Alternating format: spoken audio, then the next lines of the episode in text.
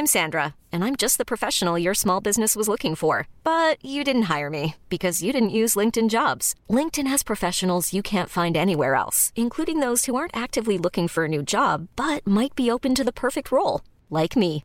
In a given month, over 70% of LinkedIn users don't visit other leading job sites. So if you're not looking on LinkedIn, you'll miss out on great candidates like Sandra. Start hiring professionals like a professional. Post your free job on linkedin.com/achieve today. Hey, I'm Ryan Reynolds. Recently, I asked Mint Mobile's legal team if big wireless companies are allowed to raise prices due to inflation. They said yes. And then when I asked if raising prices technically violates those onerous two-year contracts, they said, "What the f*** are you talking about? You insane Hollywood ass." So to recap, we're cutting the price of Mint Unlimited from $30 a month to just $15 a month. Give it a try at mintmobile.com slash switch. $45 upfront for three months plus taxes and fees. Promo rate for new customers for limited time. Unlimited more than 40 gigabytes per month. Slows. Full terms at mintmobile.com.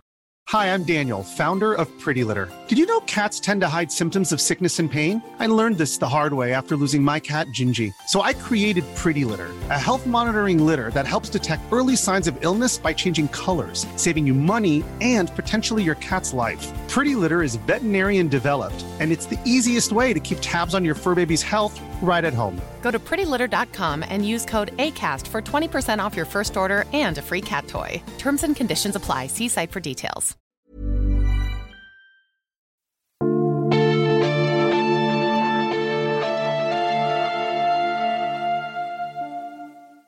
Välkomna till Sagan om Isfolket-podden avsnitt 5 Dödssynden.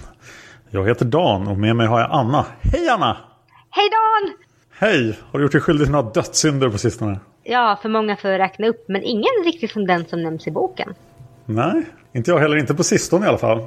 Nej, samma här. Det var ett tag sedan. Vet du vad vi har gjort? Nej, vad har vi gjort? Vi har blivit godkända av iTunes, vi finns på iTunes! Hurra! iTunes! Men det är ett gradvis förfarande då, så vi finns i själva programmet iTunes. Men om man söker på nätet på iTunes så hittar man oss inte än. Så det innebär att vi nu har en iTunes-recension som jag inte kan se. Så jag får inte fram den. Så vi får återkomma till den. Men jag vet att vi har fått en iTunes-recension. Och vi vill jättegärna att ni recenserar oss på iTunes. För att ju mer recensioner vi har på iTunes, desto bättre syns vi.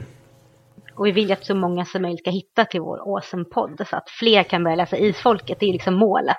Absolut, söker man på Isfolket eller Sagan om Isfolk så kommer vi upp direkt. Men eh, man kan ju tänka sig att folk söker på okay, svenska romaner eller någonting liknande. Och det vill vi också dyka upp på. Vi kommer försöka posta upp länkar till iTunes på vår Facebook-sida så småningom också.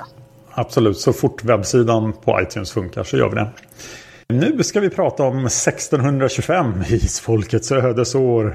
Dum, dum, dum. Ja, och det här är ju en hyfsat, alltså det är en rätt kort bok om vi ser vilket tidsspann det täcker. Tidigare har vi rört oss över flera år, ibland liksom ett decennium. Nu är det inte så lång tid vi rör oss över. Jag tänkte på det och eh, kom fram till att Trollbunden och Avgrunden är också väldigt korta. Utan tidshoppen har skett hittills i Häxjakten och Längtan. Ja, det kanske det har. Ja, just det. Avgrunden var rätt kort också. Precis, det är ungefär lika långt som den här. Jag tror Trollbunden är den kortaste tidsmässigt hittills. Men jag är inte 100% säker. Nej, det får vi se. Men se, vi lämnade ju Gråstensholm socken i eh, totalt uppror med pojkarna som fraktades iväg till kriget. Ja, stackarna. Ja, det var riktigt misär.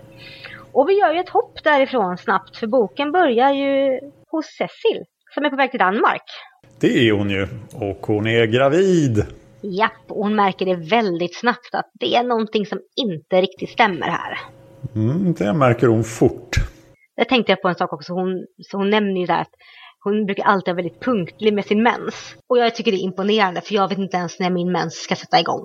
Men är inte det väldigt olika? Nu är jag ute på djupt vatten känner jag. Det är olika. Vissa är jätteregelbundna. Andra som jag planerar över, jag vet inte riktigt, ibland är den i början, ibland är den mitten, ibland så dröjer jag två månader. Men i ljuset av detta tycker jag det är väldigt imponerande att Cecil ändå har som benkoll på när hon ska ha mens. Jag frågar lyssnarna, vad tycker ni om Cecilias menscykel? ja, skriv en kommentar eller två. Men tack vare att hon har så regelbunden menscykel så märker hon ju väldigt snabbt att hon är gravid. Och det är ju nummer ett, det är ju herr Martins barn. Och nummer två, det som är det riktiga problemet är ju att det är ett utomäktenskapligt barn. Det känns ju lite grann som en passning här. Det är en sån uppenbar lösning på problemen. Så att man blir, jag, jag blir nästan otålig när jag läser det. Jaha, okej, okay, men då kan Alexander säga att det var hans barn så klarar han sig. Och, ja, det, verkar, och det tar ju så lång tid för dem att komma fram till det. Ja, men precis. För liksom, det är en självklar lösning. Cecil behöver en far till sitt barn för att slippa åka hem till Gråstensholm och all skammen där som väntar en, en mor med ett oäkta barn. Alexander ligger ju väldigt risigt till för hans före detta älskare har ju skvallrat om att Alexander faktiskt eh, är homosexuell. Ja, det var väl inte han som hade skvallrat, det var väl hans nya älskare som hade skvallrat. Hans Så. gamla älskares nya älskare. Ja, komplicerat sånt där. Så han eh, riskerar ju i bästa fall vanära, i värsta fall döden. För att uh, gå tillbaka där så tycker jag hela det här att hon måste ta sig till slottet och liksom allting är så slummigt. Och det, det tyckte jag var ganska spännande. Oväntat moment. Det är lite så här äkt, eh, så här verklighetstroget moment. För jag kan verkligen se hur det är, hur liksom hur nedgånget det är. Och så har man slottet som lyser upp över staden som är så här, den här, liksom där det rika folket bor. Och sen i, i skuggorna det så är det liksom verkligen misär och slum. Där råkar ju förstås Alexander vara som en räddande paladin. Precis. Och Cecil får ju då erkänna att hon vet ju om hans hemlighet här. Ja, till slut. har hon förstått. Efter tusen, jag förstår inte vad ni pratar om. Vad är det här? Vad då inte tycker om kvinnor? Jag begriper inte. Jag vet inte hur djupt vi ska gå in på rättegången och så här. Det känns som att man vet vad som kommer hända där. Men det vi kan ju säga i alla fall att Cecil friar till Alexander, Alexander friar till Cecil. De bestämmer sig för att gifta sig, de gifter sig väldigt snabbt. Ett förnuftsäktenskap skulle man lugnt kunna säga. Det som jag vill ändå lyfta upp här nu, att det som verkar som ett väldigt, väldigt hastigt beslut för att de ska rädda varandra, som det visserligen är. Men de har ju ändå haft en vänskap i flera år. Han har ju, Alexander har varit Cecils vän sedan hon kom till Danmark. Ja, det var lite det jag menade. Det, framst det framställs i boken som ett problem. Men det känns som en så självklar lösning för alla inblandade. Det är, liksom, det är bra för alla, det finns ingen svårighet i det. Det är bara att göra det. Ja, precis.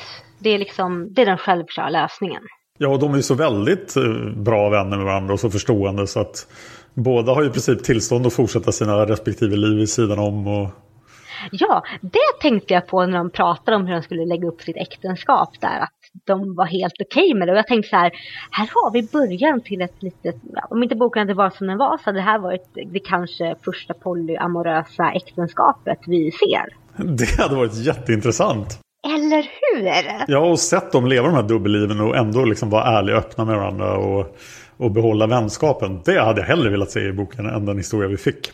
Ja men eller hur, och se dem liksom, liksom sitter där på kvällarna och har det mysigt och trevligt men ändå så här har sina respektive kärleksliv och liksom ändå lever sitt liv tillsammans. Men det var inte ödet. Nej, ödet var att de skulle rädda varandras skinn. Så de gifte sig i en hastig ceremoni. Jag måste inflika att jag tyckte om domarens eh, koppling till eh, Dag Meiden. Ja, hur var den nu igen? Han var lite jävisk. Han var, åh, Dag Meiden, min, han är så klok. Ja, det hade inte funkat i ett nutida rättssamhälle. Nej, han var verkligen jävig så det skrek om. Men jag antar att det var så det gick till på 1600-talet. Men rättegången funkar ju liksom bra eller ja, det hade kunnat funka dåligt för Alexander som den eh, rene riddare han är vägrar ju att ljuga. Så Cecil står ju och ljuger innan honom så att, jag vet inte, hon blir nästan blå i ansiktet. Och det är han okej med. Men han kan inte ljuga själv. Nej, precis.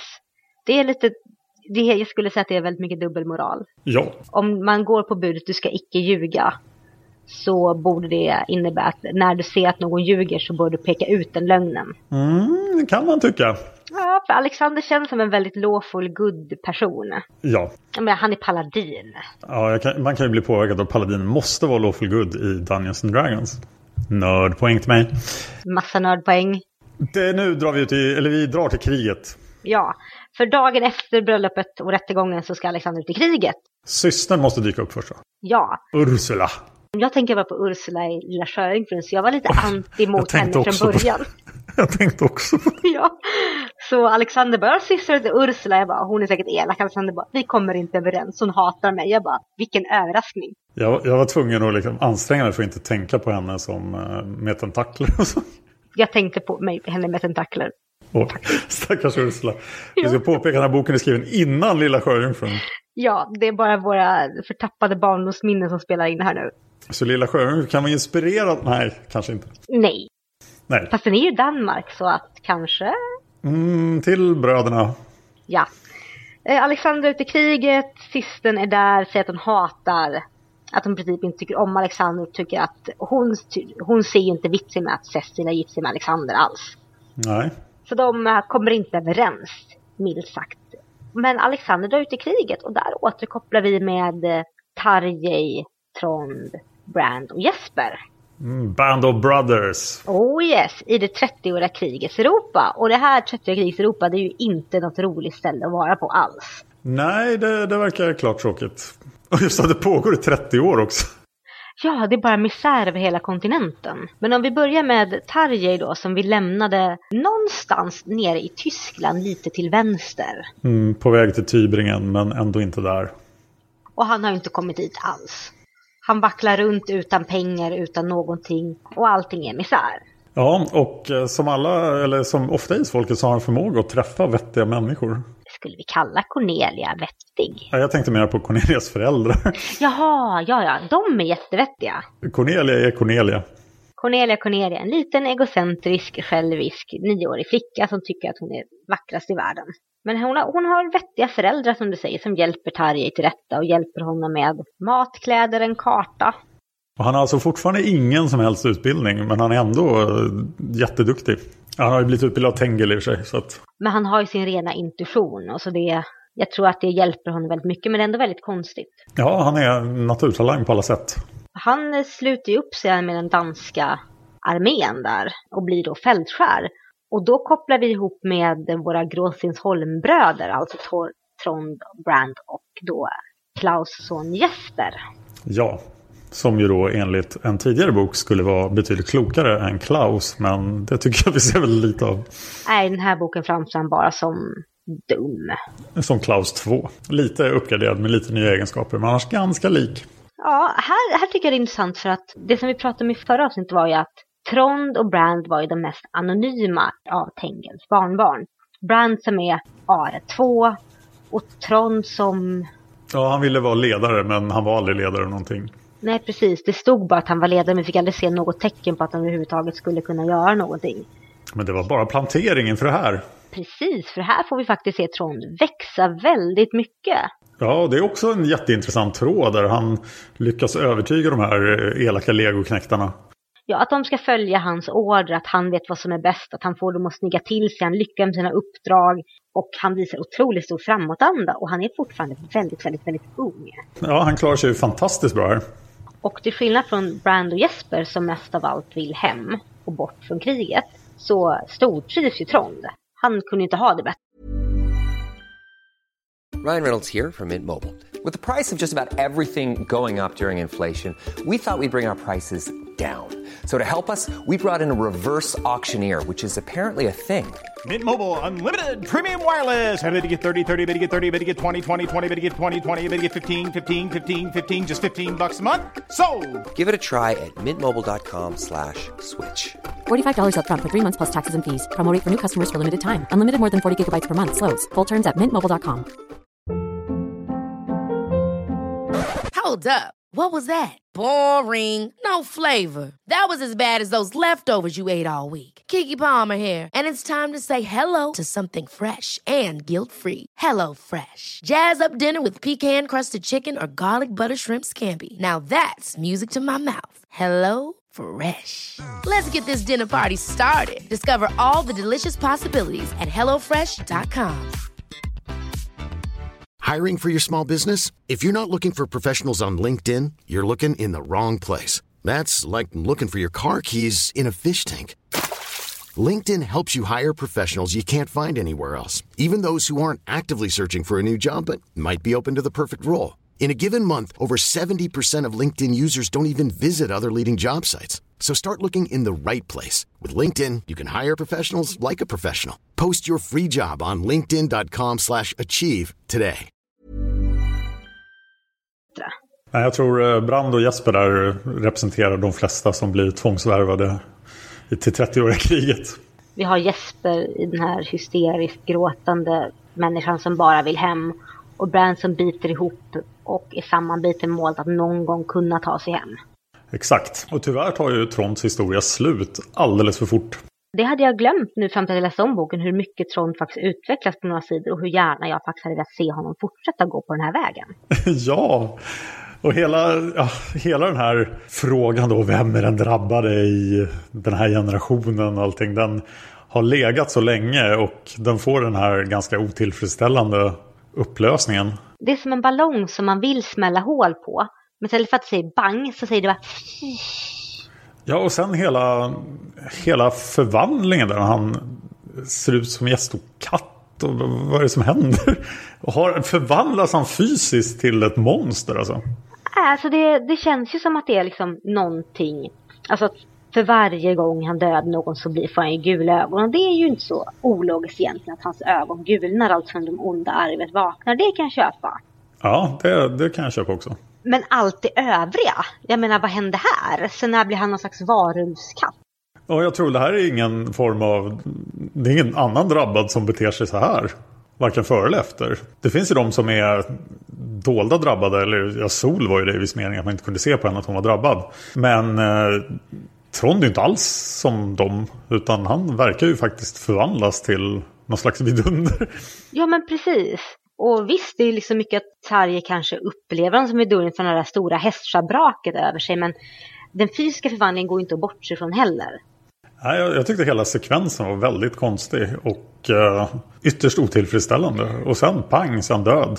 Det är jättejobbigt för Tarje, det är jättejobbigt för Brand, det är jättejobbigt för Jesper framförallt som råkar vara den som har ihjäl honom. Men det går så lite in på att det, det griper liksom inte riktigt tag. Det, liksom, det, fäst, det, det ankrar inte an på mig. Vare sig att de har förlorat sin bror eller att faktiskt den drabbade kommit ut och nu är drabbad.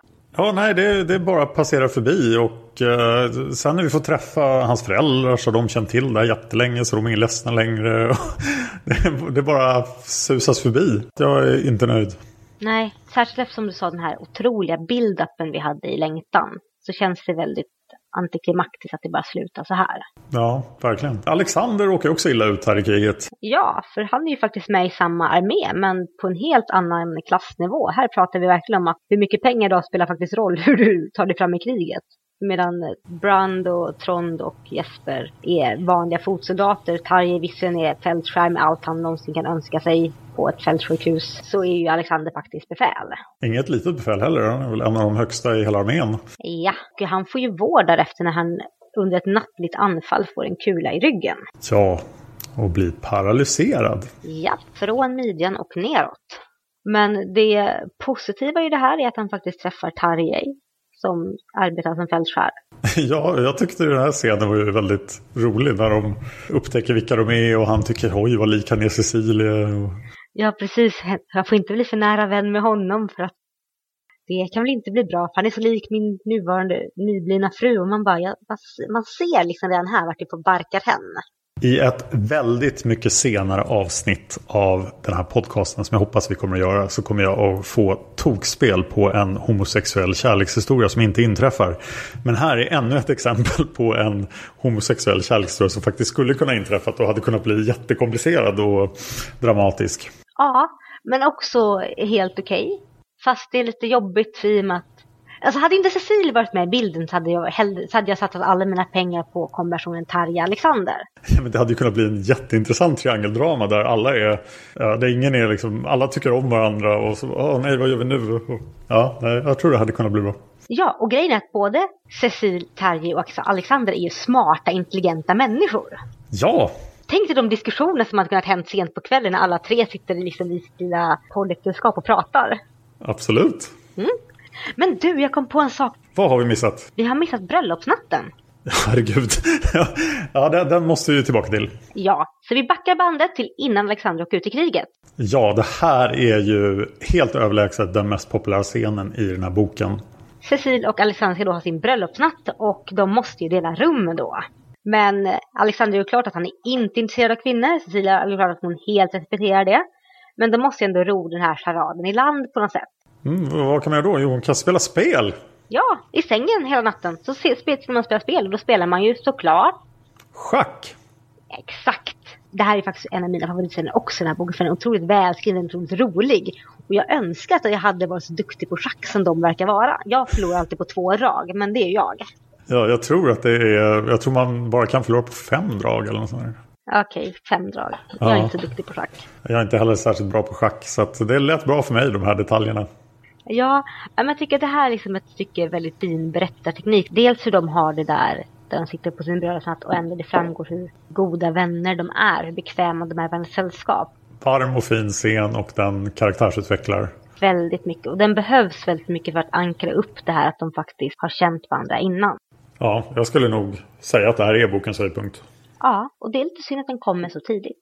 Som vi var på väg att missa. Mm. Under den här kvällen så berättar Alexander också för Cecilia om sitt liv. Just det, den här attraktionen till Germund. Precis, hans första obesvarade kärlek. Man får mer förståelse för bägge två och ja, man känner verkligen för karaktärerna. För mig också så gick, jag hade ju, jag har ju, hade lite svårt för Cecilia i förra boken för att hon är som en billigare kopia av Sol. Lättmjölksol. Precis. Men i den här boken så blir hon ju faktiskt en egen person. Ja, hon blir filmjölkssol. Nej, Ja, Alltså filmjölk är bättre än lättmjölk. ja. Men som sagt, hon blir en egen person och det är väldigt kul att se. Ja, det blir Jag tycker här hittas balansen. För det refereras ju tillbaka till Sol flera gånger. Men det känns verkligen som att hon är sin egen person här också. Ja, hon är sin egen person, hennes tankar är liksom hennes egna. Det känns inte som att, jag vet inte om det var så mycket för att hon var med sin familj som sa hela tiden att hon var en kopia av Sol eller att de påpekade så mycket för att här får man inte påpekat lika ofta. Man ser henne med andra ögon. Hon kanaliserade väl Sol lite på rättegången. Ja, just det, hon höll på att fräsa åt dem och var oförskämd. Men det tycker jag hade varit kul om hon hade gjort. Ja. Tillbaka till eh, efter att Alexander har blivit paralyserad. Ja, han ska ju då få åka hem. För att han kan inte göra någon nytta mer. Men han ordnar ju faktiskt så att Trond... Nej, Trond är död. Han ordnar alltså att Trond blir begravd. Han ordnar alltså Brand och Jesper faktiskt får åka hem till Norge igen. Ja, det kunde han ha ordnat lite bättre. För det går inte så himla bra. Jag precis skickade med, med alla de sår som sedan, sedan drabbas av, vad är det, rödsot. Ja, dysenteri va? Det kanske inte var det bästa. Nej, och medan han har varit borta från Gabriels hus så har ju då Cecilie fått sitt missfall. Ja, precis. Gabriels hus och som är Alexanders släktgård. Stackars pojken. Det är också en sån här grej som man undrar verkligen, vad hade hänt om det, om Cecils barn hade fått leva? Men det kommer aldrig få reda på för hon förlorar det. Det här behandlingen hon får av eh, ja, den här kvinnan som bestämmer. eh, Den är väldigt grym. Den är otroligt grym för hon är ju långt gången. Och när jag läste om den så kändes det som att de vill verkligen att hon ska förlora barnet. Och jag trodde faktiskt att Alexander skulle hämnas för det här på något sätt. Att han skulle liksom följa upp där. Men det nämns aldrig igen. Nej, det nämns inte överhuvudtaget. Det är bara, Ja, ba- bara det att hon inte återvänder till sitt, sitt jobb för att det var ganska dåliga arbetsvillkor. ja, men det är inte ens för att hon åt, hon, det är inte så att hon inte återvände för att de fick henne att få missfall. Utan det är för att hon stannar hemma för att ta hand om sin man. Ja, Så det lyfts liksom aldrig ens att den behandlingen hon utsattes för liksom var det som ledde till att hon förlorade sitt barn. Ja, det tyckte jag var jättekonstigt att det inte kom tillbaka. Utan ja, det bara fortsätter. Just att ett missfall är ju i sig ganska realistiskt. För att det var ju många, många barn som inte blev särskilt gamla på den tiden. Så att det inte bara är rosenidyller när folk är gravida. Nej, precis. Men igen så känns det som en väldigt fin lösning på det hela. Ja, och sen har vi den här då att hon får någon slags kontakt med Ursula. Och sen får hon lite ledtrådar till varför Alexander har blivit så onormal. Oh. Man, det, liksom, det känns obehagligt i ryggraden för man är så här, nej, nej! Det finns ju flera böcker i sagan som jag känner att det inte kommer att bli roligt att podda om. Och det här var definitivt en av dem. Just för att min minnesbild av eh, hur det här med den botade homosexualiteten och liksom, ja, du kan omvända bögar bara du, bara du är tillräckligt, tillräckligt bra kvinna. Det var det budskapet jag kom ihåg. Men det, det framgick, det var inte så allvarligt som jag trodde att det var i min minnesbild av boken. Jag hade ju exakt samma minnesbild och var ju verkligen inte jättepepp på att läsa om just femman. Men den var bättre än vad jag minns. Men just när, de, när Cecil och Ursula sitter och pratar och får ledtråd till och Cecils tankar börjar att ah, så han har kanske varit normal från början. Jag känner bara, oh, oh, är det verkligen normal vi går in på nu här alltså? Ja, det, det kändes lite... Eh, och jag minns att jag verkligen reagerade starkt det första gången jag läste boken. Och jag tror att eh, många har sagt att det här, det här är en gammal bok. Alltså den är skriven på 80-talet. Men jag tror att den här attityden inte, inte, absolut inte var tidsenlig för 80-talet. Däremot då kanske Cecilias, 82 är den ifrån. Eh, Cecilias attityd till det är väldigt tidsenlig för 1600-talet. Det, det håller jag med om. Ja, å andra sidan så känns det, det känns väldigt konstigt. Hon kommer från en öppensinnad familj där hälften är jättefattiga, andra hälften har inte ens någon ursprungstavla. De tar in vilka som helst och känner det och liksom lever enligt principen att man ska hjälpa andra. Och det här blir en jättestor grej. Och visst, det är personligt för att hon är ju fortfarande kär Alexander. Men att det blir som fix idé på den här man kan bota honom-grejen, det känns lite jag vet inte, det skaver. Särskilt som att hon har liksom pratat med Tarje om det här och han har förklarat att vissa män älskar män. För Tarje vet allt. Tarje är ett geni och Tarje är också ett accepterande geni som säger att så här kan det faktiskt vara. Deras kärlek är inte annorlunda än någon annan. Men Cecilie känns ju väldigt accepterande. Det, det, måste jag säga. Men däremot att hon...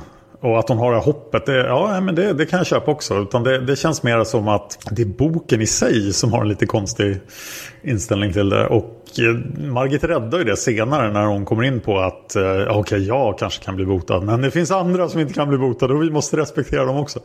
Det är en jättekonstig diskussion överhuvudtaget.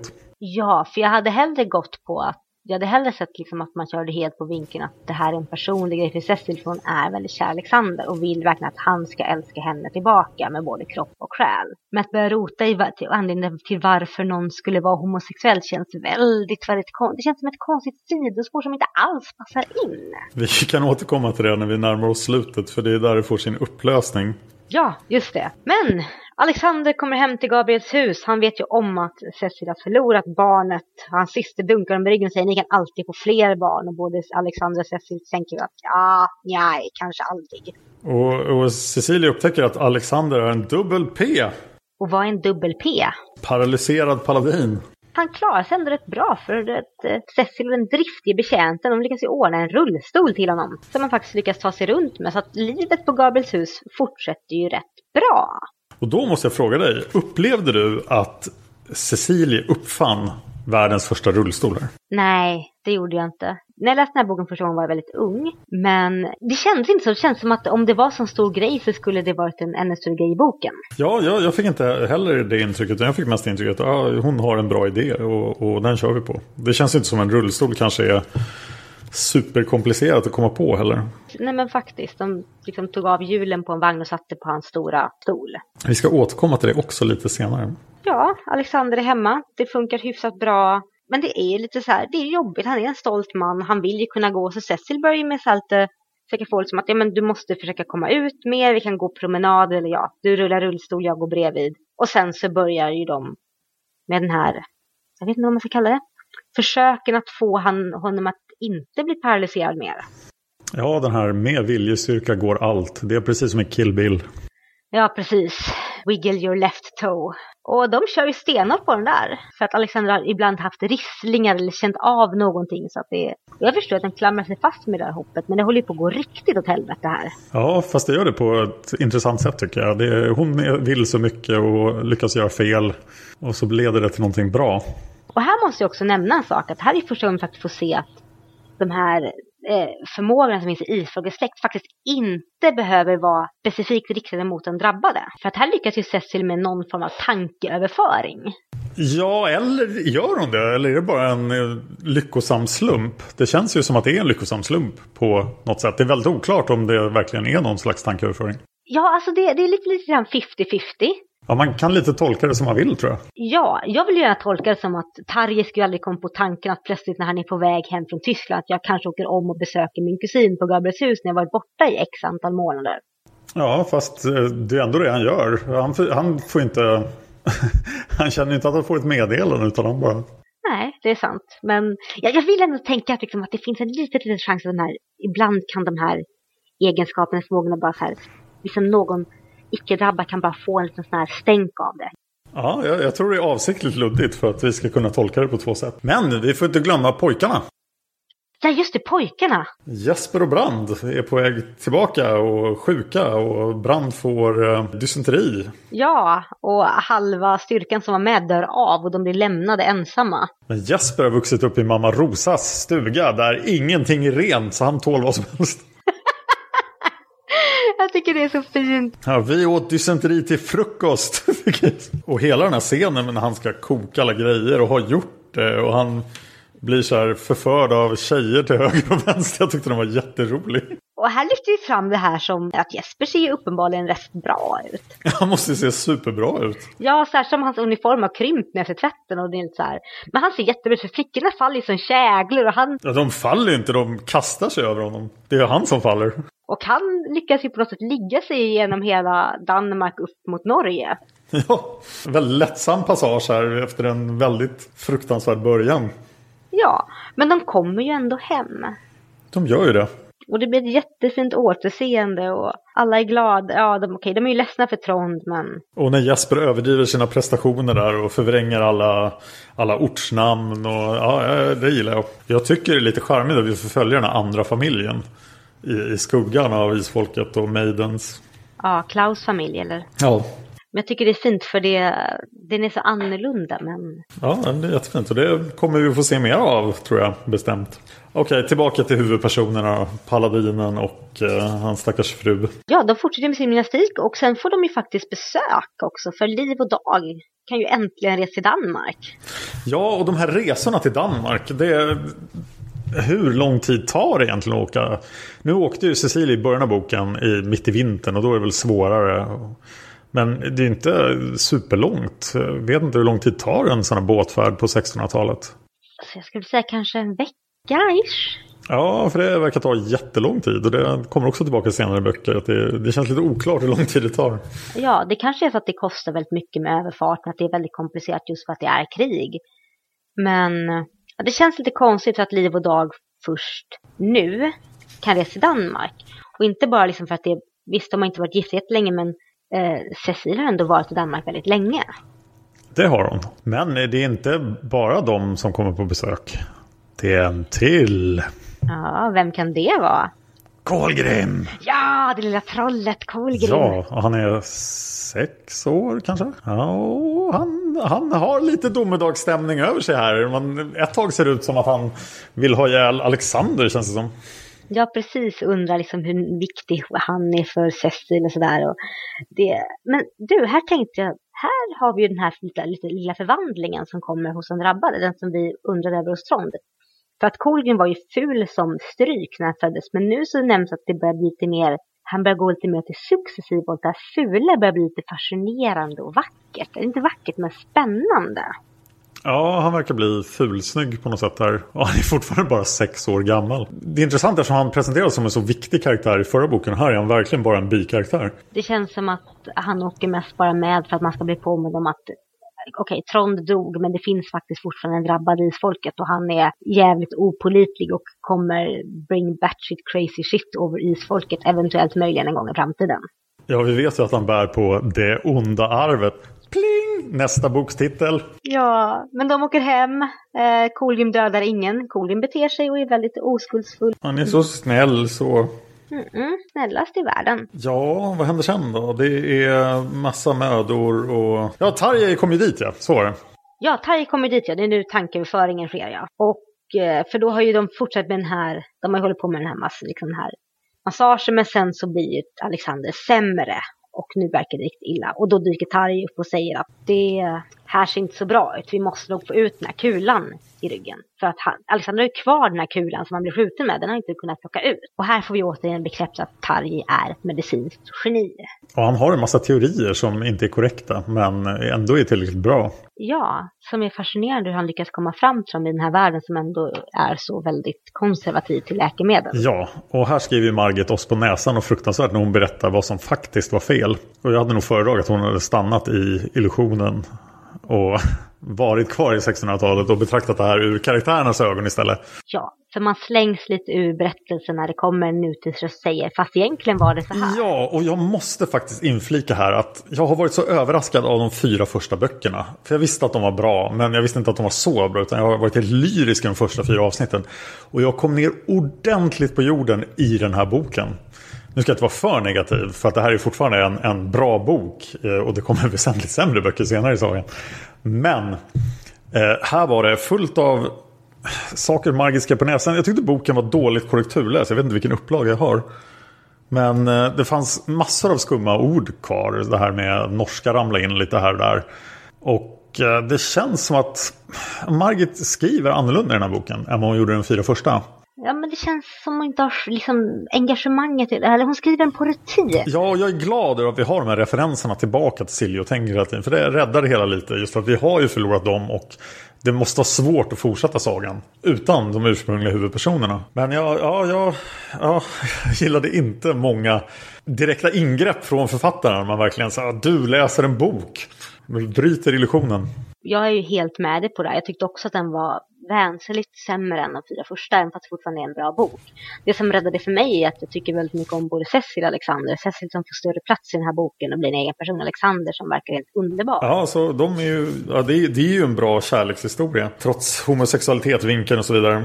Jag stör mig på språket också lite grann. Att det är små stafiga som stoppar upp och det är sån här. Det känns som att de hade kunnat läsa igen den lite eller strama upp en del grejer och faktiskt få den lite mer flytande i språket. Ja, det är ju ingenting jämfört med Ljusets rike och liknande saker som vi kommer att komma fram till eventuellt. Men eh, ja, där, där kommer ni få det här flera gånger. Men eh, ja, det är första gången man märker det riktigt i den här boken.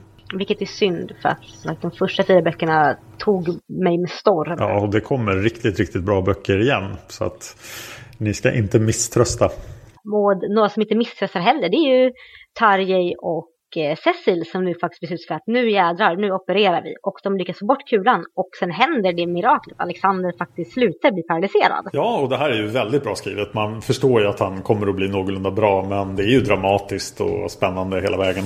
Ja, och det är jättefint. Och det som vi inte får glömma nu här är att Cecil, när hon trodde att Alexander skulle dö, faktiskt erkänner att hon har väldigt starka känslor för Ja, honom. Och sen så går ju han och överlever. Och nu blir det lite awkward. kan man lugnt säga. För de är fast i ett äktenskap med varandra tills döden skiljer dem åt. Och det gjorde den inte.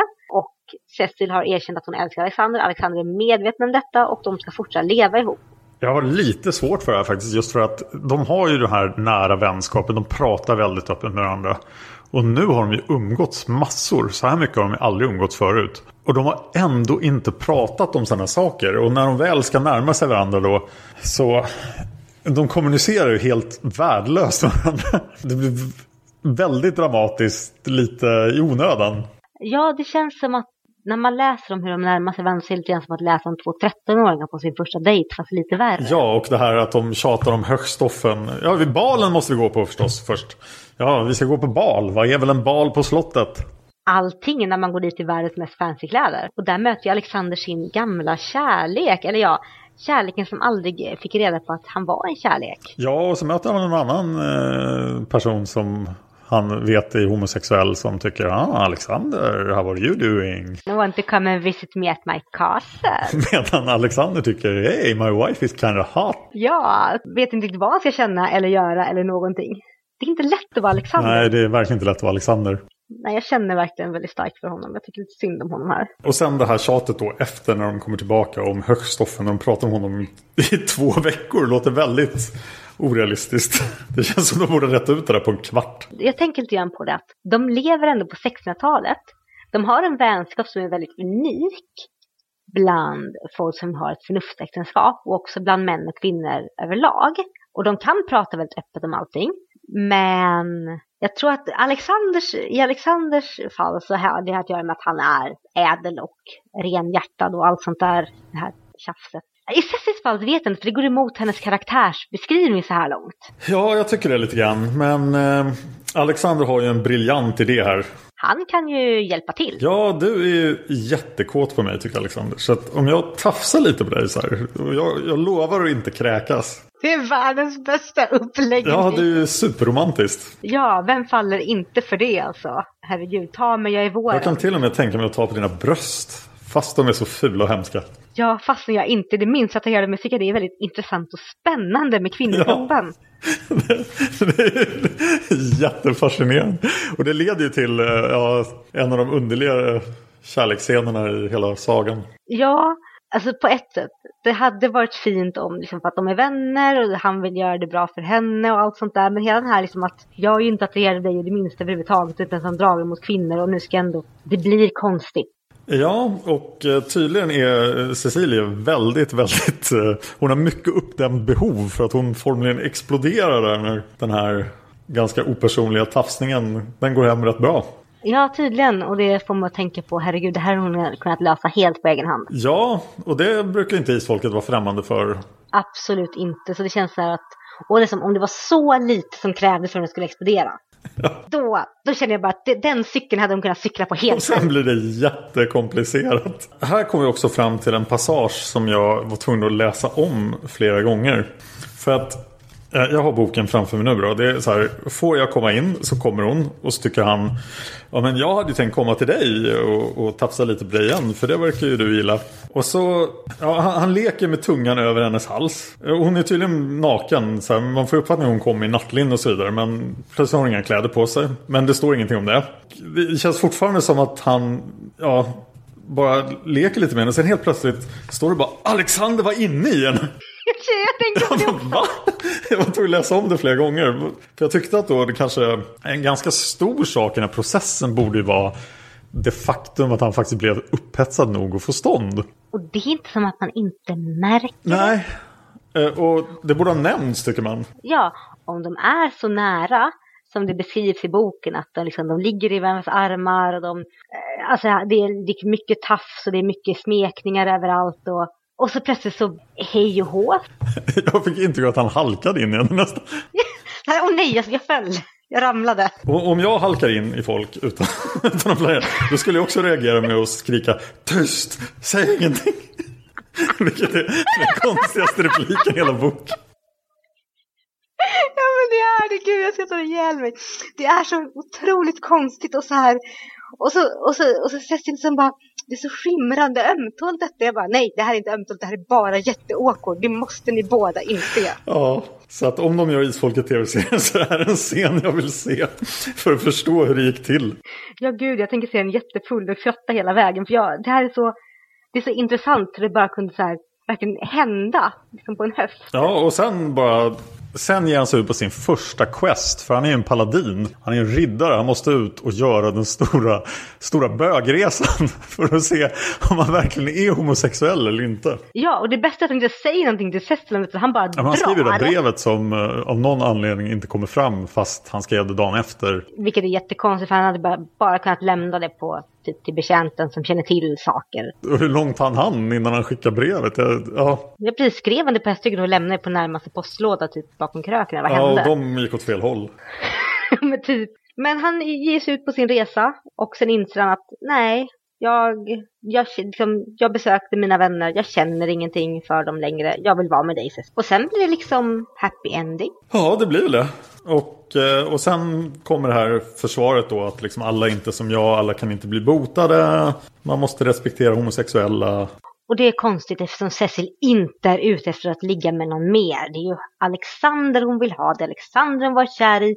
Så just som du sa, det här försvarstalet känns så väldigt skriva alla på näsan. Ja, det känns verkligen som ingenting som Alexander och Cecilia skulle säga åt varandra. För de har ju respekterat homosexuella hela tiden. Ja, precis. Och det är inte som att de kommer gå ut med detta i någon stor liksom, tidning och skriva om att en, en bög blir botad, nu kan alla andra bli det också. För att det här är ingenting man pratar om. Nej, eh, men eh, det räddar ändå boken på något sätt att det här finns, det här budskapet. Så att eh, ja, jag är ändå lite lättad efter att ha läst hela boken. Storymässigt passar det inte in. Nej. Men för boken så var det nog tvunget, annars hade ju nog den här boken fått väldigt mycket lägre av mig. Ja, exakt. Och sen har vi ett förvirrat brev från Liv. Två sidor svammel där Brand har gift sig. Eller han har träffat en, en tjej på något sätt. Nej, han gjorde, han gjorde någon med barn. Ja, det får ingen som helst förklaring hur det hände. Utan det var Jesper som lurade iväg honom. Ja, precis. Och det känns också som det strider lite grann. För att Brand har inte på något sätt när vi har träffat honom tidigare i boken varit minst intresserad av flickor eller någonting sånt där. Och så lurar Jesper iväg honom på ett nattfrieri och så plötsligt har han gjort något med barn. Den historien hade jag velat höra också. Ja, precis. Var det också bara så att han halkade och föll? Ja, det kanske var så. Plötsligt märkte Matilda att brand var inne i henne. Säg ingenting! ah. Nej, men de, de gifter sig i alla fall och Liv och Alexander åker till Norge. De träffar Kolgrim, allt är bra, allting blir ännu bättre för att plötsligt så är ju Cecil gravid igen. Ja, och Alexander, ja det är det här bröllopet och Alexander är i Gråsensholm och mycket kolgrimplantering. Väldigt mycket att man får reda på att han pratar om sin mormor då, häxan Sol som kunde trolla och han säger att han också kan trolla. Och och så lille Mattias går omkring blid i bakgrunden. Och är bara så god och snäll. Ja, och så småfåglarna sitter på hans axel. Och... Ja, men det är lite grann så här. Han är typ snövit. Ja, hälften snövit, hälften Jesus. Ja, men han är så fin. Tycker om Mattias. Sen är det dags för lite födsel som vi måste ha i en eh, släktsaga. Då är det det här med isfolket, så tar du upp igen med isfolkets eh, grej att de inte får många barn. Ja, och, och Cecilia är inte alls oroad över drabbade barn faktiskt. Så att hon har ju fattat vad som händer. Precis, äntligen slipper vi det tjat att det kanske kommer mer. Man bara nej, alltså det, det blir Fast de säger att ibland kan det bli mer än en. Det ska bli intressant att följa upp nu när vi gör podcasten och se om det faktiskt blir mer än en någon gång. Ja, det ska bli jätteintressant. Men här så går det ju väldigt bra. Ja, här går det jättebra. Mm, det går dubbelt bra. Och vilka är det vi får? Det är Gabriella och Tankred brukar jag säga. Det är ett tvillingpar. Och allting är perfekt. Nästan. Ja, nästan. Förutom då att Kolgrim springer ut i skogen och har ett solögonblick. Ja, vi glömde ju nämna att Alexander och Cecilia har ju ihop det på i Sols hemliga glänta där. Och kanaliserar lite sol där. Och här undrar jag om faktiskt Sol om det är bara minnet av Sol eller om faktiskt Sol är närvarande på något sätt. Jag vill jättegärna tro att hon är närvarande i och med att Cecil inte har något eget minne av sig. Ja, för hon känns ju som att hon är närvarande här. Ja, jag tror att hon är närvarande på den platsen. Att Sol i sig var en så stark person med så mycket magi inom sig så att hon har lämnat ett, ett konkret avtryck på den platsen. Hon är närvarande där. Hade det varit Liv som varit där som hade känt så hade jag tyckt att ja, men nu, nu vill nog Liv mest bara se det hon ser. Men Cecil har ingen orsak att se någonting som hon aldrig har träffat. Nej, och då undrar man, kommer det här att påverka barnen som avlats på den dum, platsen? Dum, dum. Det kanske det gör. Men då avslutar vi med att Coolgrim springer ut och tänker Ingen vet hur ond jag är. Haha, bränn allting. Och sen lämnar vi Kolgrim där. Ja, och nästa bok heter som sagt Det onda arvet. Så det är möjligt att den handlar om honom. Kanske. Kanske inte. Det märker vi absolut. Ja, eh, ska vi gå in på lite, lite fel och missar kanske? Ja, precis. Du nämnde ju detta med rullstolen innan lite grann. Ja, och vi har ju en fel och missar-tråd på forumet. Ni kan hitta forumet på isfolket.se. Det finns en länk där det står forum. En miss som folk har påpekat då är att rullstolar ju faktiskt fanns. Men det tycker jag kan försvaras då med att Cecilia inte, ja, att det aldrig framställs som att hon uppfann den. Exemplet som folk tar upp här i tråden är att eh, Henrik den åttonde åkte runt i en rullstol. Men jag tror, och det tror jag man såg i Tudors tv-serien också. Men eh, jag tror att rullstolar faktiskt fanns väsentligt tidigare än så. Men där är jag ute på lite tunn is. Men långt innan det här i alla fall. Eh, men den riktiga missen som finns i boken. Den har ju att göra med faktiskt den bästa scenen då. När bröllopsnatten. För att i längtan så nämns det. Lite i förbigående att Alexander och Cecilia sitter och spelar brädspel. Och i dödssynden så nämns det väldigt tydligt att Alexander säger att det enda spel han accepterar är schack. Ja, och faktum är att även i dödssynden så får jag intryck att de spelar andra spel än schack senare. så att allting är väldigt konstigt där. Men konversationen som de har på bröllopsnatten, den går verkligen inte alls ihop med vad som hände i längtan det framstår som att här är den första gången de sitter och de träffas och spelar spel. Så att, och Alexander säger att det är ingenting för kvinnor. Ha! Och som sagt, i längtan så sägs det att ha, de har spelat förut och han har uppenbarligen inte haft några problem med det innan. Och så plötsligt blev det ett problem för att de var gifta och hon var hans fru. Ja, så att eh, jag tror att det är faktiskt en ren och skär miss här. Att eh, Margit helt enkelt har glömt vad hon skrev i den förra boken. Ja, och det måste vi klassa som en miss. Det måste vi göra. Men det är också kanske den enda missen i boken. Och det är väldigt bra. Det är väldigt bra. Ja, ska vi ta upp lite åsikter för forumet? För vi inför varje podd så frågar vi på forumet vad folk tycker om boken. Så att om ni vill vara med och tycka till om det onda arvet, då kan ni också gå till forumet och svara på den tråden. Och den här gången ställde vi fyra frågor. Vad tycker du om dödssynden? Vilken är bokens bästa ögonblick? Vilken är din favoritkaraktär och varför? Och synen på homosexualitet som ges i boken.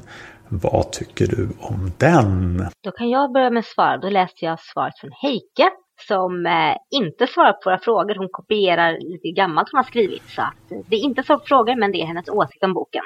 Och hon skriver, tro det eller ej, men här kommer ännu en av mina favoritböcker. Har jag nämnt jag tycker bäst om de tidigare böckerna i serien. Cecil blev alltså gravid när hon pippade med prällen. Jag förstår att hon ångrar sig med tanke på att utomäktenskapet barn innebär. Men det är så synd att mötet med den stackars Martin reduceras till något fult som Cecil tänker på med avsky. Deras möte var ju faktiskt ganska fint två ensamma själar som söker närhet till en annan människa. Ja, där kan man ju tänka sig att Cecilies åsikt ändrades av mötet i efterhand. Men det, för det var ju faktiskt inget, inget fult och äckligt möte.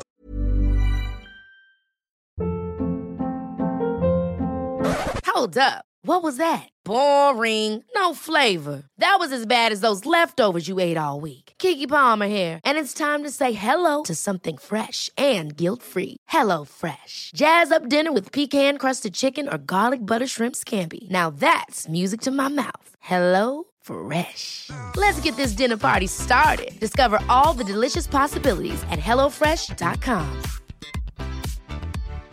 Hi, I'm Daniel, founder of Pretty Litter. Cats and cat owners deserve better than any old-fashioned litter. That's why I teamed up with scientists and veterinarians to create Pretty Litter. Its innovative crystal formula has superior odor control and weighs up to 80% less than clay litter. Pretty Litter even monitors health by changing colors to help detect early signs of potential illness. It's the world's smartest kitty litter. Go to prettylitter.com and use code ACAST for 20% off your first order and a free cat toy. Terms and conditions apply. See site for details. When you make decisions for your company, you look for the no brainers. And if you have a lot of mailing to do, stamps.com is the ultimate no brainer. It streamlines your processes to make your business more efficient, which makes you less busy. Mail checks, invoices, legal documents, and everything you need to keep your business running with stamps.com. Seamlessly connect with every major marketplace and shopping cart. Schedule package pickups and see your cheapest and fastest shipping options from different carriers with rates up to 89% off USPS and UPS rates. And with the stamps.com mobile app, you can take care of mailing and shipping wherever you are. Make the same no-brainer decision as over 1 million other businesses with stamps.com. Sign up with code program for a 4-week trial plus free postage and a free digital scale. No long-term commitments or contracts. That's stamps.com. Code program. Direkt. Heike igen. I sann Ifos-anda tar Cecil mod till sig och kommer med ett vågat förslag till Alexander. Han accepterar och gifts under högtidliga former. Jag förstår bara inte varför vi blir så chockade när bröllopsgästerna vill se brudparet kyssas. Det är väl en självklarhet som borde ha tänkt på. Bröllopsnatten är något utöver det vanliga med schackspel och blodfläckar. Ja, nu måste jag avbryta det igen. Den här scenen med att det kommer in folk och inspekterar på bröllopsnatten. Det, det, saknade jag på min bröllopsnatt. Vad sjutton var mitt följe som inspekterade? Jag hade blivit väldigt chockad ifall man vaknade och stod massa folk och bara hej. hej. Har ni legat med varandra Går nu? Det bra för er? Man bara kanske lite awkward. Vi ligger här nakna. Tyst, säg ingenting. nu får du fortsätta med Heikes åsikter. Ja, Heike igen. Hela sagan om Cecil och Alexander är fin även om jag har svårt att se den där Cecil lyckas bota Alexanders homosexualitet genom att låta honom tafsa lite. Jag vet inte hur mycket i boken som är historiskt korrekt och jag inser att jag missat något där. Det är mycket krig och kungar i boken och det hade varit kul att veta hur mycket som stämmer överens med verkligheten. Var Kirsten Munk en ragata? Var kungabarnen olyckliga? Var kung Kristian en så bra karl som han verkar? När jag läste serien första gången var det den här boken jag längtade efter mest eftersom jag nästan dog av ny nyfikenhet. Vem är den drabbade i Cecils generation? Margaret försöker genom hela boken få mig att det är Brand. Anton beskriver honom som den enda av Tenkels barnbarn som är långsint. Taje möter Cornelia för första gången och jag tycker synd om det ensamma lilla barnet. Än en unge som är så jobbigt lillgammal som Dagmar. Jag är så ointresserad av den historien så vi nämnde inte att hon dök upp igen där. Heike igen. Hela krigshistorien och Alexanders skada läser jag med spänning. Men operationsscenen där Taje äntligen plockar bort kulan gör mig illamående och jag får ont i ryggen. Ju skit, åh gud jag kan inte läsa det här. Ah! Det är ju skitäckligt när han tar den där böjda tången och för in bakom ryggraden. Ja, det kändes som operationsprogram på tv ungefär. Heike säger slutligen, det här kan vara den bok jag tycker är bäst i hela serien, betyg 10. Det är flera stycken som har sagt det och eh, det förvånar mig. Eh, jag eh, svarade på det här och lovade att ta reda på lite mera om det historiska och det ska vi återkomma till väldigt snart. Men nu kommer vi till Ray Husak, mannen bakom tecknade serien. Han skriver jag minns hur det var att göra den här boken till tecknad serie och den var något annorlunda än de tidigare. Det är inte mycket som är övernaturligt eh, i den och den utspelas på hemska platser för en tecknare. Alla dessa enorma slott och herrgårdar som tog timmar att teckna. Rosenborg tog fyra timmar. Men jag gillar boken, det är en klassiker och det är allt jag lagt på minnet från den är just schackspelet på bröllopsnatten. Det var ett stort ögonblick att teckna sekvensen. Bokens bästa ögonblick är fler i mina ögon. Hela Cecilia och Alexanders historia. Hur de trevande till slut får varandra. Sedan så naturligtvis när den drabbade kommer upp krypandes för backen mot Tarjei. Eh, det är inte någon av de starkaste Isfolkböckerna i mina ögon. Men den har sin charm. Favoritkaraktär i den här boken utan tvekan. Alexander. Jag ser honom som en musketör ungefär. Och så ser han ju verkligen ut på framsidan. Synen på sexualitet som ges i boken får väl ses lite ur perspektivet när den är skriven. Och sedan kan Alexander inte vara sedan kan Alexander inte ha varit homosexuell utan bisexuell i så fall eftersom han ändå trillar dit med Cecilia. Eh, jag väntar bara på Korpens vingar. Då kommer jag skriva ett 7 kilometer långt inlägg. För det är enligt mig den bästa skräckbok som någonsin skrivits. Oh, teaser trailer! Ja, oh, och det är ju typ 15 böcker kvar till dess så att uh, we hold our horses. Vi har mera svar. Ja, då går vi in på Paladin, passande nog. Hon har blandat in lite grejer från Darvet, så att, uh, nu måste du filtrera bort dem. Jag tror jag har koll på det. Go! Hon säger Älskar dödssynden, den är alltid med på min ständigt förändrade topp 5-lista. Cecil är min favoritkaraktär och jag älskar alla partier hon är med i. Hela Alexander och Cecils historia är så bra. Hon blir tvungen att fråga om man vill gifta sig med henne, den schackspelande bröllopsnatten, inne i rätten som växer fram. Alexander känns verkligen så himla bra. Jag vill ha en man som han. Och en Cecil som min fru. Jag finner sexscenerna väldigt, väldigt heta. När Alexander vill tillfredsställa henne på grund av välvilja och inte för att han själv blir kåt av det. Och hur Cecil tycker det är svårt att ge efter i början men till slut inte kan låta bli att koppla bort tanken och bara njuta. Att angående Alexanders sexualitet så ser det inte som att han förändrar sig. Han har bara varit kär i män tidigare. Men efter en lång vänskap med Cecil så blir han kär i henne som person. Jag tolkar alltså inte som att han byter läggning helt från homosexuell till heterosexuell. Utan mer Cecil är ett undantag från hans vanliga preferenser. Som att man kan vara asexuell men samtidigt ha ett undantag till en person man vill vara med. Däremot så stör det mig mycket att det antyds att hans läggning skulle bero på något trauma i hans ungdom. Självklart styr vår bakgrund vad vi kommer tända på. Men att det skulle bero på något hemskt han varit med om känns bara så onödigt skrivet av Margit. En annan grej jag minns, jag tycker var konstigt när jag läste boken första gången var Alexander säger sig vara så djupt troende att han inte kan begå mened, alltså ljuga. Men däremot kan han stå tyst bredvid och lyssna på när Cecil ljuger. Känns det som att det vore nästan lika illa. Om vi ska lämna Danmark ah, det jobbigt. Nej, ah. vi lämnar inte Danmark. Vi lämnar inlägget och går vidare till blodshämnd. Eh, när jag som 13-åring läste Dödssynden blev jag helt frälst och tyckte den var helt fantastisk. Vilket jag hoppas jag gör nu, nio år senare. Jag tycker Dödssynden är en väldigt bra bok. Det är väldigt intressant att läsa om Cecilia och Alexanders separata kamper. Och det är så fint att de på slutet blir kära. Dock stör jag mig otroligt på synen gällande homosexualitet som att det ska gå att bota. Men visserligen, det låg ju i tiden, både då boken utspelar sig när boken är skriven. Vore den skriven idag skulle det säkert inte framställas som en dödssynd utan kanske mer fokuserat på olika sexualiteter. För som boken visar Alexander i min tolkning pansexuell då han älskar Cecilia som den person hon är och inte för att hon är kvinna. Bästa ögonblicket är bröllopsnatten då de spelar schack hela natten och lär känna varandra. Den visar hur en stark vänskap växer sig starkare. Och jag tycker det är så fint. Samtidigt då Alexander inser att han älskar Cecilia och berättar det för henne. Det måste vara underbart för Cecilia som varit olyckligt kär så länge, som nu får det bekräftat. Jag gillar också då Alexander första gången träffar Tarjei. Där kan vi snacka kemi. Jag hoppades att det skulle bli något mellan dem. Samtidigt som jag skulle hata Tarjei som skulle såra sin kusin så. Min favoritkaraktär är självklart färgstarka Cecilia.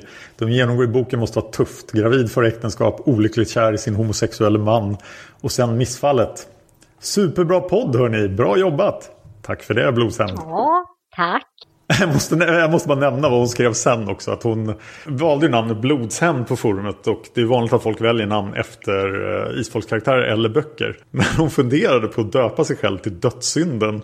Eftersom Cecilie, Villemo, Sol och Halkatla var upptagna. Men sen kom hon på att det, det lät så hårt. Och hon brukar ju refereras till som Blodis. Och hon är glad att hon idag då inte refereras till som Dödis. Det hade varit jättekonstigt om, om hon hade varit Dödis. Hon är så Blodis funkar bättre. Ja, var det alla vi hade eller kom det fler? Nej, det kommer en Nej, till. vi har det sista svaret från Silja Arngrimsdotter. Ja, det är du som får instant översätta norska igen. Ja, vad kul. Detta har alltid varit en av mina favoritböcker och är den fortfarande. Full av historia och intressanta karaktärer som den är. Bokens bästa ögonblick, det tror jag faktiskt måste vara när Cecil Alexander spelar schack på bröllopsnatten. Jag är också glad att läsa hur förhållanden mellan dem sakta växer fram och blir starkare och starkare.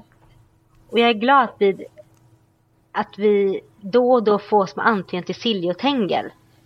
Saknaden efter dem är stort. Favoritkaraktären är först och främst Cecil, men också Alexander och Tarjei. Alla tre är helsköna karaktärer som är intressanta och lätta att tycka om. Jag skulle också önska att vi hade fått se lite mer av Trond. Synen på homosexualitet då? Jag antar att den är ganska tidstypisk, både för när handlingen utspelar sig och när boken är skriven. När det gäller Alexander tror jag kanske att han inte, tror jag kanske inte att han egentligen är homosexuell och så blir botad, men att barndomstrauma gjorde han förvirrad för en stund och han tills han träffade Cecil. Eller så kanske han är bisexuell och kan älska både henne och män. Vilket underbart norskt ord, bifil. Och det var de åsikter vi hade. Eh, Jag vill bara säga så här att jag är alltid så otroligt glad över alla åsikter för in och ni är så jädra vettiga allihopa som svarar. Det är så fint att se. Oj, här hade hon skrivit våra uttalsguider till avsnitt också som jag inte hade sett innan avsnittet. Jag frågade precis innan avsnittet och nu har hon skrivit dem och nu är det för sent. Ouch!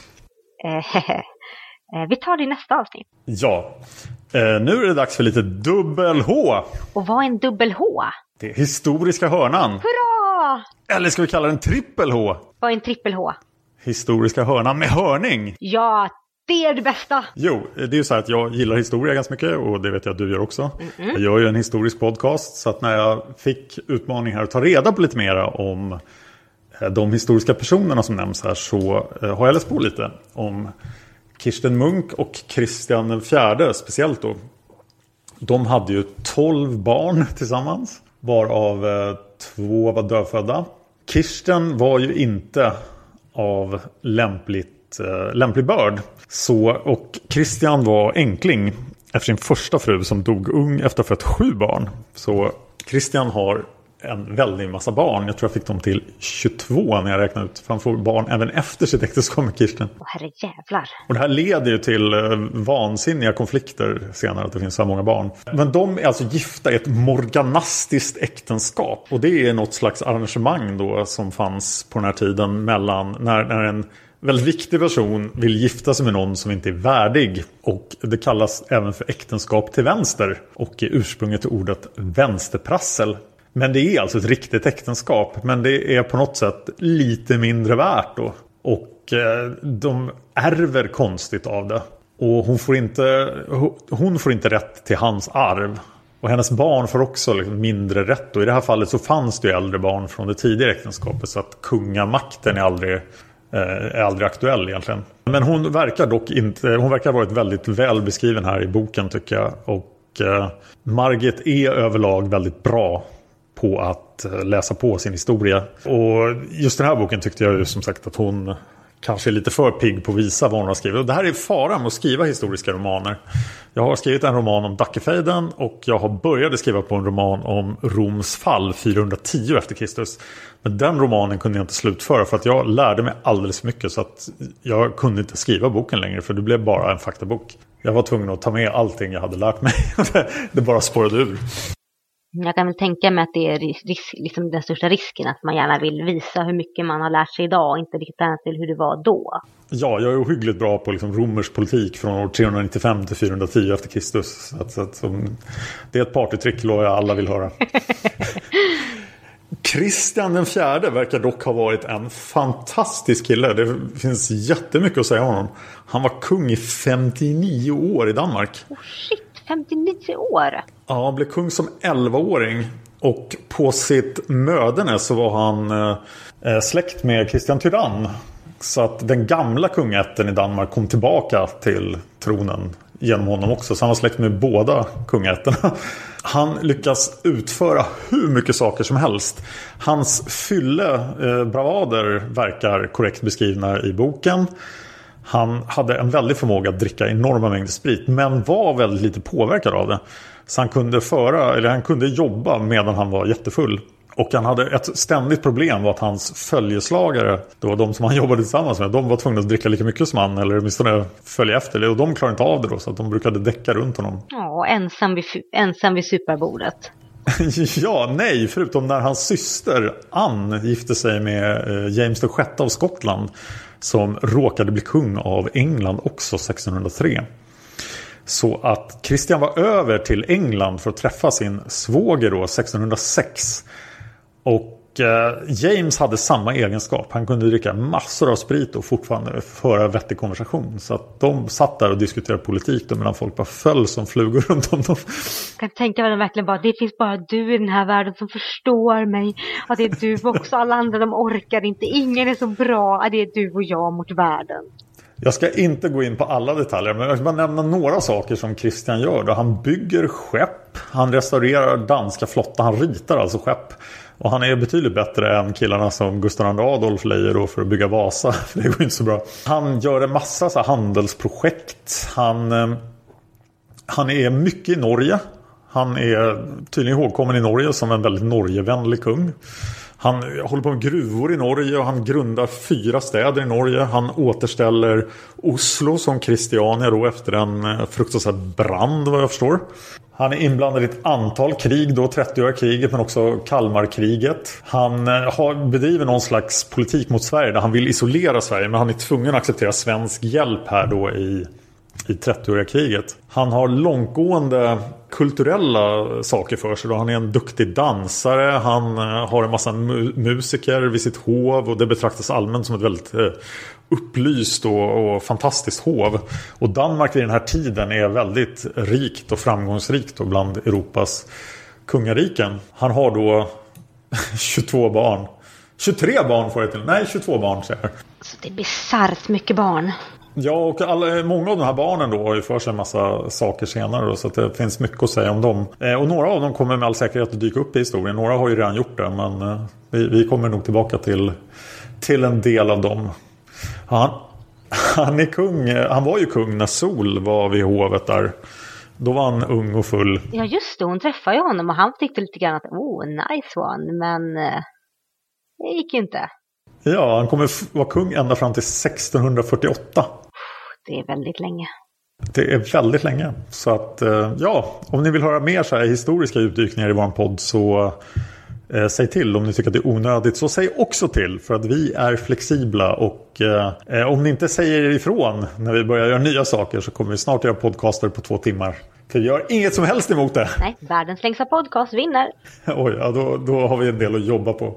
Kanske det. Vi, men vi har några avsnitt på oss att jobba upp till en... Det har vi. Vi kan göra en åtta timmars podcast om hunger. Nej, nej gud nej. Ni kan gå in på forumet eh, som jag tjatar om, isfolket.se.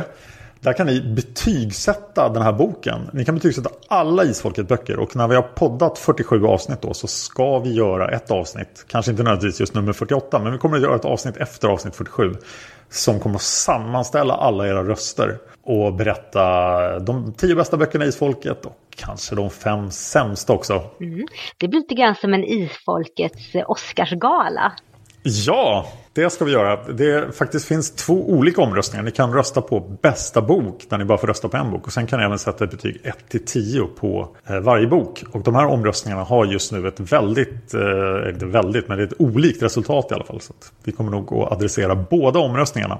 Så titta in där och se om, det, om ni tycker det stämmer eller inte och lägg er röst oavsett. Det kommer bli kul. Ja, gå gärna till vår YouTube-kanal, Margit Sandemo SE heter den. Prenumerera på den, gilla oss, eh, ge oss iTunes-recensioner. Och Dan, vad kan lyssnarna hitta mer av dig? Jag finns på Twitter som eh, Dan Horning, Hörning utan eh, svenska tecken. Då. Jag finns på Facebook, jag är den enda som heter Dan Hörning där så att jag är tämligen lätt att hitta. Jag gör tre andra podcaster, jag gör en om historia, Fan of History. Där vi pratar mycket mer antik historia än så här just nu. Jag gjorde just en podcast om slaget vid Karkar 853. Och före Kristus och efterföljden av det i Mellanöstern, i Libanon faktiskt. Jag gör en podcast om Game of Thrones där vi precis gjorde två avsnitt helt off-season. Jag gör också en podcast om Magic som heter Magic Gathering jag. Ja, och så heter även min min YouTube-kanal om Magic the Gathering. Så om ni spelar det så bör ni titta in där. Var kan lyssnarna hitta mer av dig Anna? Jag har en blogg, den heter setsunaseras.blogspot.se och där skriver jag om allting från min dag till att lägga upp bilder på katter och eh, till antirasism. Eh, jag har även en Facebook-sida, Setsunaseras, som man jättegärna får gilla. Där eh, skriver jag om lite allt möjligt också. Och jag finns på Twitter under Anna Seras. Ja, och eh, nu ska jag börja tjata om eh, Gotcon. För att nu känns det som att det börjar bli färdigt. Så i påsk i Göteborg, påsken 2016 då ifall ni lyssnar på det här i framtiden. Så kommer jag och Anna att vara där och spela in avsnitt 17.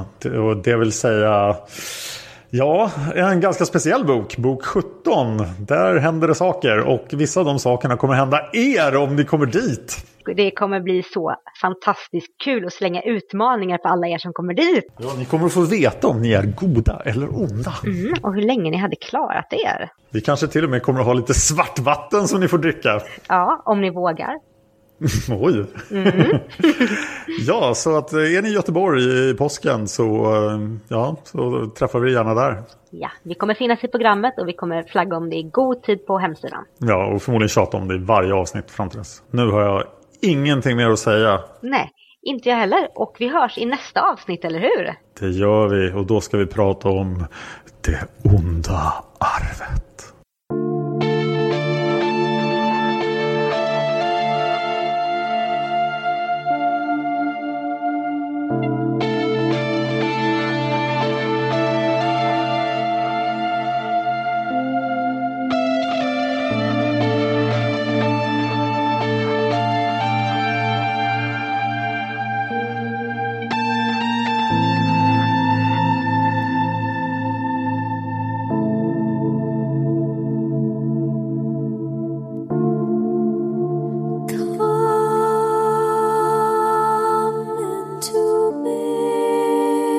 best.